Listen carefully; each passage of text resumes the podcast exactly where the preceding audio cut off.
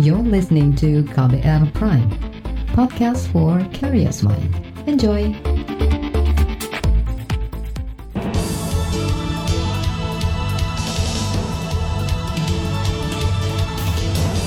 Selamat pagi saudara, kembali saya menjumpai Anda bersama program Buletin Pagi edisi Kamis 6 Agustus 2020.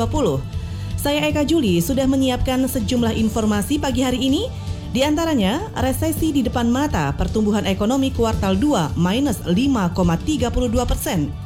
PBNU minta pemerintah hentikan ekspor benih lobster. Pembelajaran jarak jauh, madrasah di lereng Gunung Slamet gunakan HT. Inilah Buletin Pagi selengkapnya. terbaru di Buletin Pagi. Badan Pusat Statistik atau BPS mencatat ekonomi Indonesia kuartal 2 minus 5,32 persen dibanding periode yang sama tahun lalu. Kepala BPS Suharyanto mengatakan kontraksi ini merupakan dampak dari pandemi COVID-19 dan menjadi yang terburuk dalam dua dekade terakhir perekonomian Indonesia pada triwulan kedua 2020 secara Y on Y dibandingkan dengan triwulan kedua 2019 mengalami kontraksi sebesar 5,32 persen. Kalau kita bandingkan dengan triwulan 1 tahun 2020, Q2Q, maka pertumbuhan ekonomi Indonesia pada triwulan kedua ini juga mengalami kontraksi minus 4,19 persen, sementara kumulatifnya semester 1 2020 terhadap semester 1 tahun 2019 mengalami kontraksi sebesar 1,26 persen.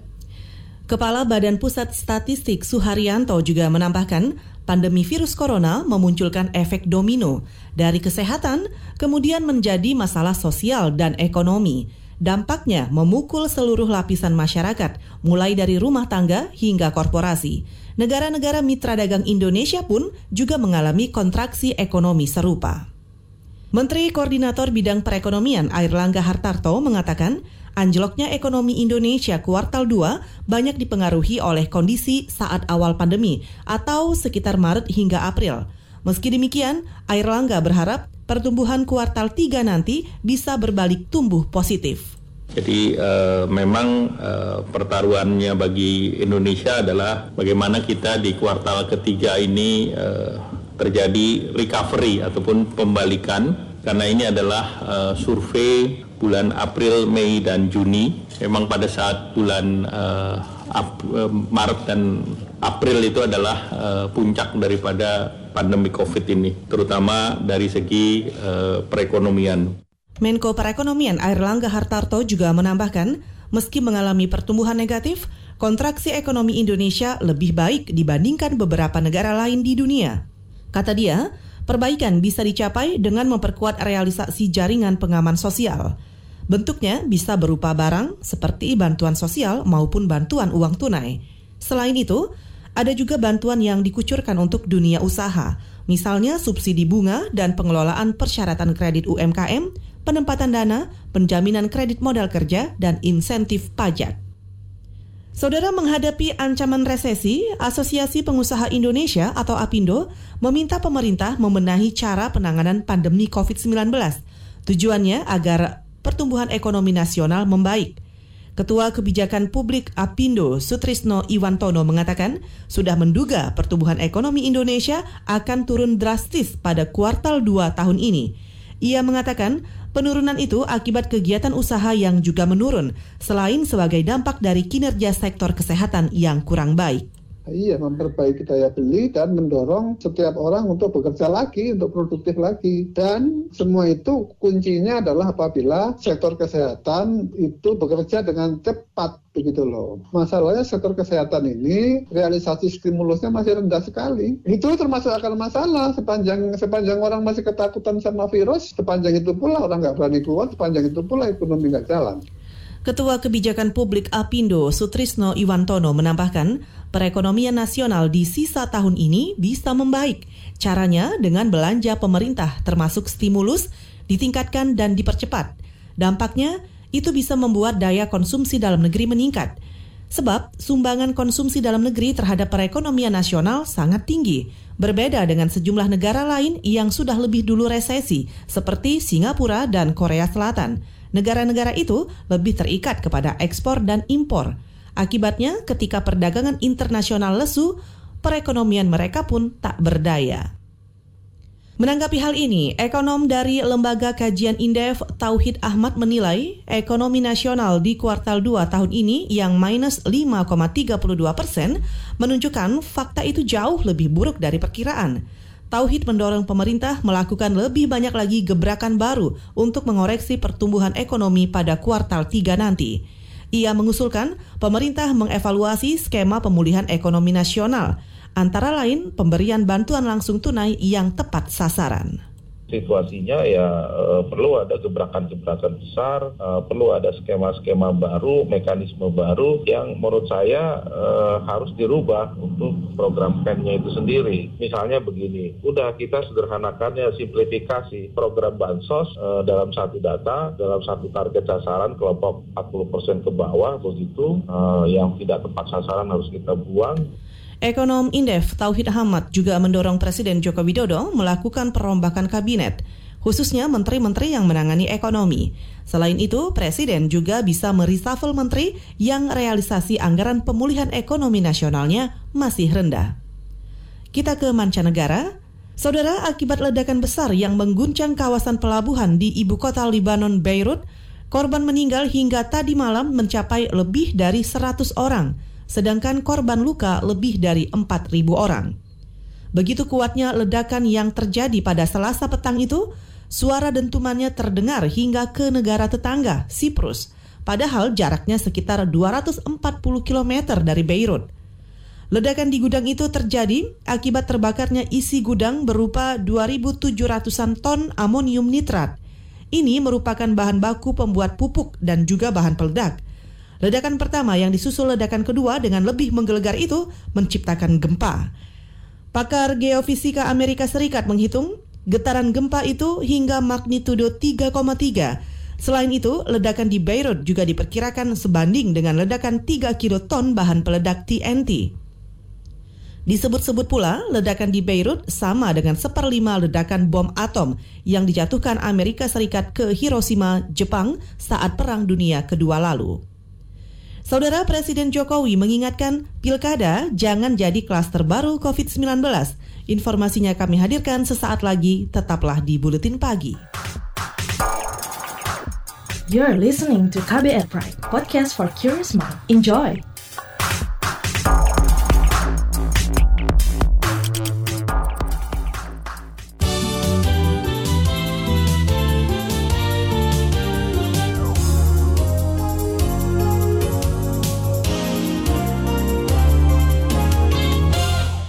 Saudara Presiden Joko Widodo memerintahkan jajarannya untuk memastikan protokol kesehatan diterapkan secara ketat di tiap tahapan pilkada.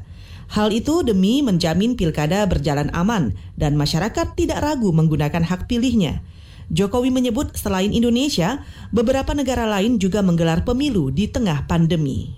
Penerapan protokol kesehatan harus betul-betul menjadi sebuah kebiasaan baru dalam setiap tahapan di pilkada sehingga tidak nantinya menimbulkan klaster baru dari COVID yang kontraproduktif. Kemudian yang kedua, saya juga melihat beberapa negara juga telah menyelenggarakan pemilu di masa pandemi ini, baik pemilu lokal maupun pemilu nasional, Singapura, di Jerman, di Perancis, di Korea Selatan, yang paling penting kita juga harus bisa meyakinkan pemilih, KPU, juga pemerintah sangat concern terhadap kesehatan.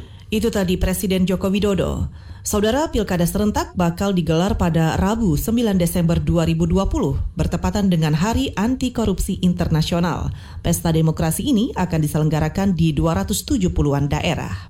Kita ke soal COVID-19. Jumlah kematian akibat COVID kemarin bertambah 64 orang.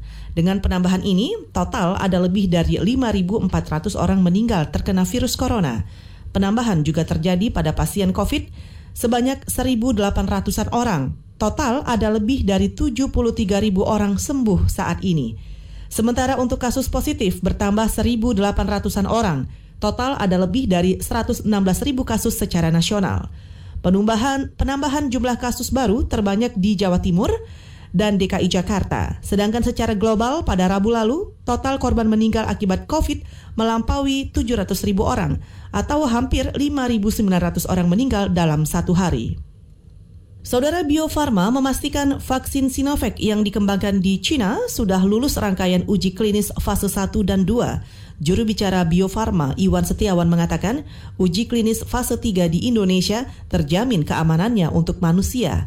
Menurut Iwan, setiap relawan yang divaksin akan dipantau kesehatannya secara berkala. Ini bukan uji hanya eh, coba-coba gitu ya. Artinya apa? Artinya uji yang kita lakukan ini sudah melalui tahap uji yang sebelumnya yang sudah betul-betul e, terbebas dari atau dipastikan itu safety. Artinya uji fase 1, fase 2 itu kan sudah terlewati dan itu dilakukan di Tiongkok sana. Itu untuk melihat apakah vaksin ini mempunyai efek samping atau e, dari sisi keamanannya. Itu sudah terlewati. Itu tadi juru bicara Bio Farma Iwan Setiawan.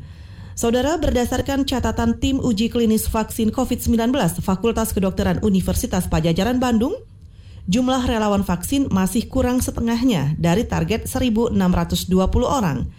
Koordinator uji klinis vaksin corona, Kusnandi Rusmil, optimistis uji klinis selesai Januari tahun depan. Kita ke soal korupsi. Komisi Pemberantasan Korupsi atau KPK menghormati putusan Mahkamah Agung yang menolak permohonan PK atau peninjauan kembali jaksa KPK atas perkara mantan Kepala Badan Penyehatan Perbankan Nasional Syafruddin Arsyad Temenggung. Juru bicara KPK Ali Fikri memastikan akan mempelajari putusan itu termasuk mempertimbangkan menempuh upaya hukum lanjutan.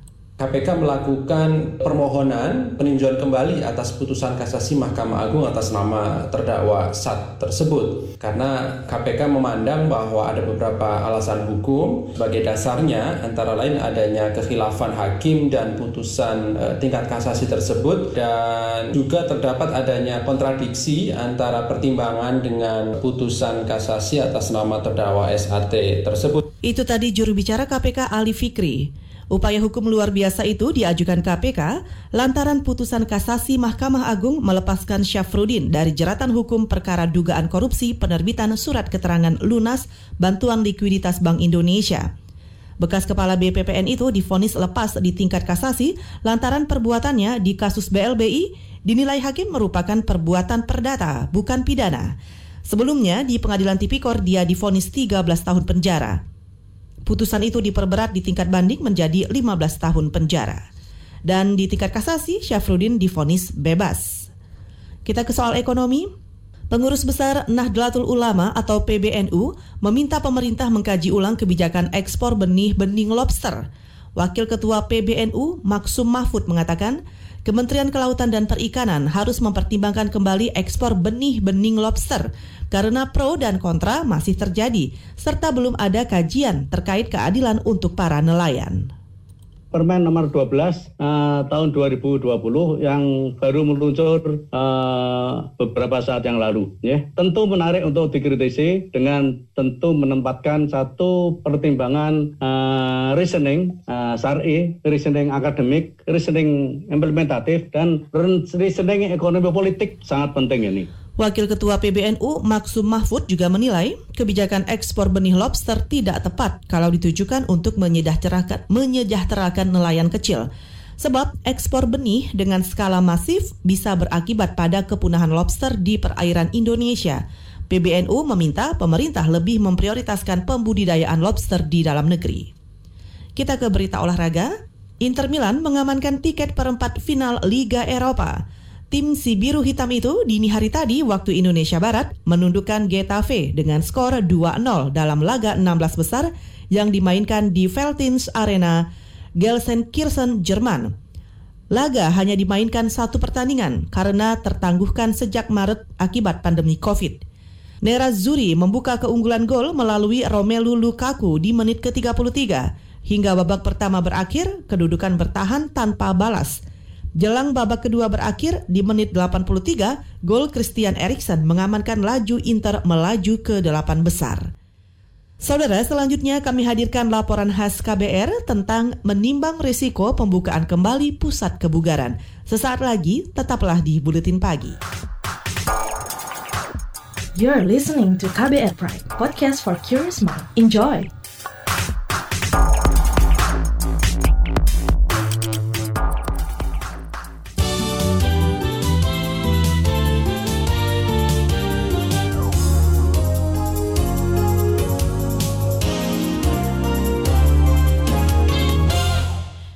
Terima kasih Anda masih mendengarkan Buletin Pagi. Saatnya kami hadirkan laporan khas KBR.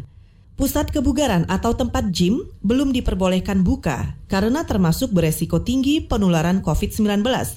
Di Jakarta, larangan itu masih diperpanjang hingga 13 Agustus mendatang.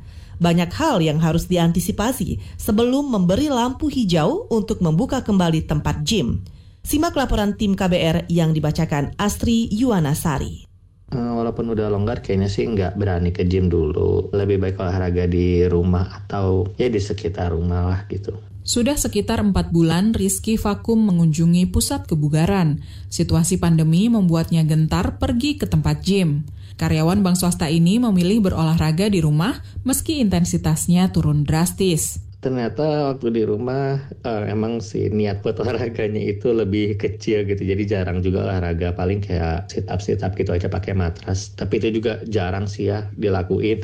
Uh, ya paling kayak jogging jogging gitu aja sih. Kalau jogging sebenarnya bawa masker aja. Tapi nggak selalu dipakai. Pas larinya sih nggak pakai ya. Karena kan juga nggak ketemu siapa-siapa kalau lagi lari gitu. Lain halnya dengan Adam yang sudah tak sabar ingin kembali beraktivitas di gym. Selama berbulan-bulan ia mengeluh sulit melakukan melakukan olahraga di rumah. Kalau dibilang akan balik lagi ke gym itu udah pasti, nggak usah nggak usah pakai ditanya. Soalnya uh, menurut gue gym itu udah jadi lifestyle, jadi kalau nggak nge-gym tuh ada yang kurang. Adam tak khawatir tentang resiko terjangkit COVID-19 di tempat gym. Ia sudah paham bagaimana memproteksi diri dari potensi penularan virus. Apalagi tempat gym juga menerapkan protokol kesehatan yang ketat. Terus kalau masalah kayak megang muka atau bersentuhan itu sih bagaimana kita aware sama badan kita aja sama kesehatan gitu. Eh, lagi pula di tempat gym menurut gue di semua hampir semua tempat gym udah menunjukkan protokol mereka masing-masing ya kayak menyediakan hand sanitizer di sudut-sudut uh, ruangan mungkin atau sebelum atau sudah memakai alat atau equipment harus dilap dulu pakai disinfektan. Pusat kebugaran menjadi salah satu bisnis yang ter terpukul di masa pandemi. Dampaknya turut dirasakan Arul Mustafa, seorang pelatih pribadi atau personal trainer di sebuah tempat gym. Apalagi di Jakarta, belum ada lampu hijau karena masa transisi diperpanjang sampai pertengahan Agustus. Meski menurutnya masih ada tempat gym yang nekat buka menurunnya ya 50% lebih nih karena banyak member secara psikologis juga banyak yang takut untuk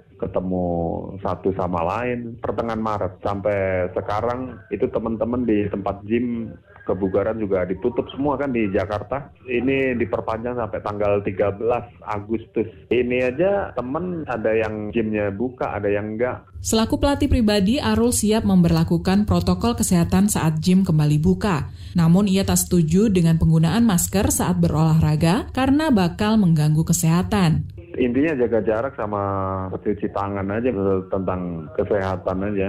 Kalau uh, PT-nya mungkin nggak terlalu aktif seperti membernya ya. Jadi PT sebaiknya menggunakan masker supaya tetap safety dalam hal kesehatan. Kalau buat kliennya pakai masker di saat dia aktivitas olahraga nanti malah kurang safety buat kesehatannya. Para dokter belum merekomendasikan olahraga di gym karena pusat kebugaran termasuk berisiko tinggi penularan COVID-19. Pasalnya, aktivitas fisik memproduksi banyak aerosol atau droplet yang menjadi sumber penyebaran virus corona. Dokter spesialis olahraga Anita Suryani. Dan sekret kita saat kita olahraga, kita berkeringat itu makin banyak airnya, aerosolnya, itu akan bisa membuat penularan corona lebih gampang jadi lebih mudah. Apabila gym tetap ingin buka, maka syarat protokol kesehatan dan prosedur desinfeksi rutin harus dijalankan. Ini mengingat banyak peralatan gym dan fasilitas lain yang digunakan bersama.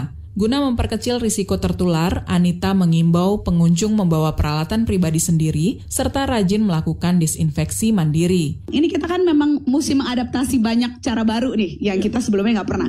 Dan kalau bisa andaikan tidak perlu disentuh nggak usah disentuh. Ke muka juga usahakan jangan. Uh, wajah itu adalah mata, hidung dan mulut Kalau bisa dikurangi sentuhannya setelah kita misalkan memegang peralatan gym itu. Terkait masker, Anita mengakui penggunaannya bisa mengganggu metabolisme tubuh, terutama saat berolahraga intensitas tinggi, misalnya bersepeda saat tanjakan, berlari kencang, atau angkat beban. Namun ia juga mendapati bahwa gangguan itu hanya terjadi saat awal penggunaan masker. Nah, jadi masker ini ternyata dia mengganggu di 80 sampai 85% heart rate maksimal tadi dan cuma di penggunaan-penggunaan awal. Penggunaan dua tuh udah enggak. Dan aku coba di latihan volley aku. Penggunaan pertama itu bener-bener ngos-ngosan banget, yang ngap sekali sampai aku harus turunin masker. Penggunaan kedua aku pasing-pasingan aku smash tuh udah nggak nggak segitunya harus turunin masker. Bahkan aku bisa pakai full. Bagi Anita, saat pandemi seperti ini, olahraga intensitas sedang lebih dianjurkan karena bisa memacu peningkatan imunitas tubuh. Jadi bukan yang intensitas tinggi, saat yang diperlukan intensitas sedang itu akan membuat resiko dari kalau kita tertular corona nggak bergejala. Jadi kitanya sehat-sehat aja. Tapi penularannya tetap mesti dicegah dengan cuci tangan dengan pakai masker, yeah. dengan jaga jarak. Demikian laporan tim KBR, saya Astri Yuwanasari. Saudara, selanjutnya kami hadirkan informasi dari daerah. Tetaplah di Buletin Pagi. You're listening to KBR Pride, podcast for curious mind. Enjoy!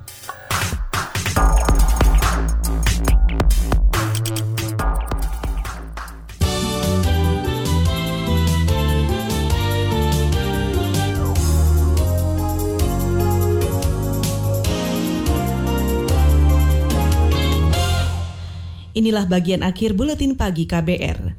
Saudara Madrasah Sanawiyah Pakis yang berlokasi di lereng Gunung Slamet Banyumas, Jawa Tengah, terpaksa menggunakan perangkat radio komunikasi handy talkie atau belajar jarak jauh. Kepala Madrasah Isrudin mengatakan penggunaan HT dilakukan karena wilayahnya sulit menerima sinyal seluler atau internet. Ya, memang akses internet yang di sekolahan dan di dua kampungnya anak-anak tidak bagus sinyalnya. Hmm. Bahkan kalau di rumah-rumah itu blank. Dengan kondisi yang kayak gini, anjurkan untuk tidak tatap muka. Ini kemarin uh, gandeng teman-teman orari lokal Banyumas mau model pembelajaran pakai handy talkie atau HT itu. Kepala Madrasah Sanawiyah Pakis Isrodin menambahkan perangkat radio komunikasi handy talkie atau HT dan pemancar yang digunakan merupakan pinjaman dari organisasi amatir radio Indonesia atau Orari Banyumas. Sementara itu, Ketua Orari Lokal Banyumas Muhammad Rifki Setianto mengatakan siap membantu pembelajaran jarak jauh. Dukungan pemasangan dan penggunaan perangkat radio komunikasi akan dilaksanakan terus ke sejumlah sekolah lain. Saudara Dewan Perwakilan Daerah atau DPD menanyakan wacana pemerintah membuka moratorium pemekaran daerah secara terbatas, khusus Provinsi Papua dan Papua Barat. Hal itu ditanyakan Wakil Ketua DPD Nono Sampono dalam forum rapat konsultasi dengan Wakil Presiden Ma'ruf Amin. Dalam pertemuan yang berlangsung secara virtual Rabu kemarin, Nono mengatakan pembukaan moratorium secara terbatas dapat menimbulkan dikotomi karena itu, dia mengusulkan pembukaan moratorium juga dilakukan di Kalimantan. Alasannya, kedua pulau berbatasan langsung dengan negara lain. Menanggapi itu, Wakil Presiden Ma'ruf Amin mengatakan keputusan pemerintah sementara ini memang masih terbatas untuk Papua dan Papua Barat. Keputusan itu diambil setelah Presiden Jokowi bertemu dengan 61 tokoh setempat yang meminta pemekaran di bumi cendrawasi. Masih dari Papua, Warga salah satu kampung di Kabupaten Merauke, Papua menolak kedatangan petugas pemutakhiran data pemilih atau PPDP yang sedang bertugas melakukan pencocokan dan penelitian atau coklit data pemilih. Coklit memang harus dilakukan dari rumah ke rumah para calon pemilih.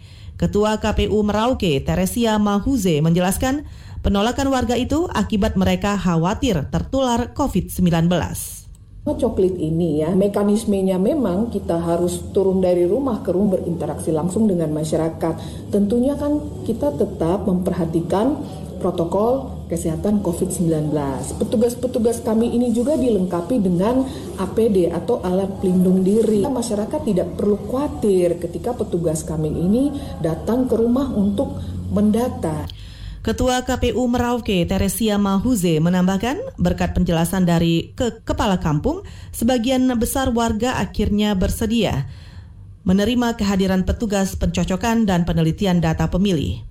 Kabupaten Merauke merupakan satu dari 11 daerah di Papua yang akan melaksanakan pilkada serentak 9 Desember nanti. Saudara, informasi tadi menutup jumpa kita di Buletin Pagi. Pantau terus informasi terbaru melalui kabar baru, website kbr.id, Twitter at berita KBR, serta podcast di kbrprime.id. Saya Eka Juli pamit, salam.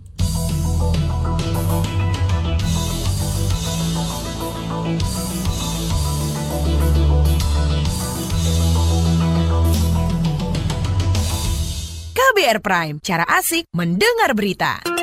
KBR Prime, podcast for curious mind.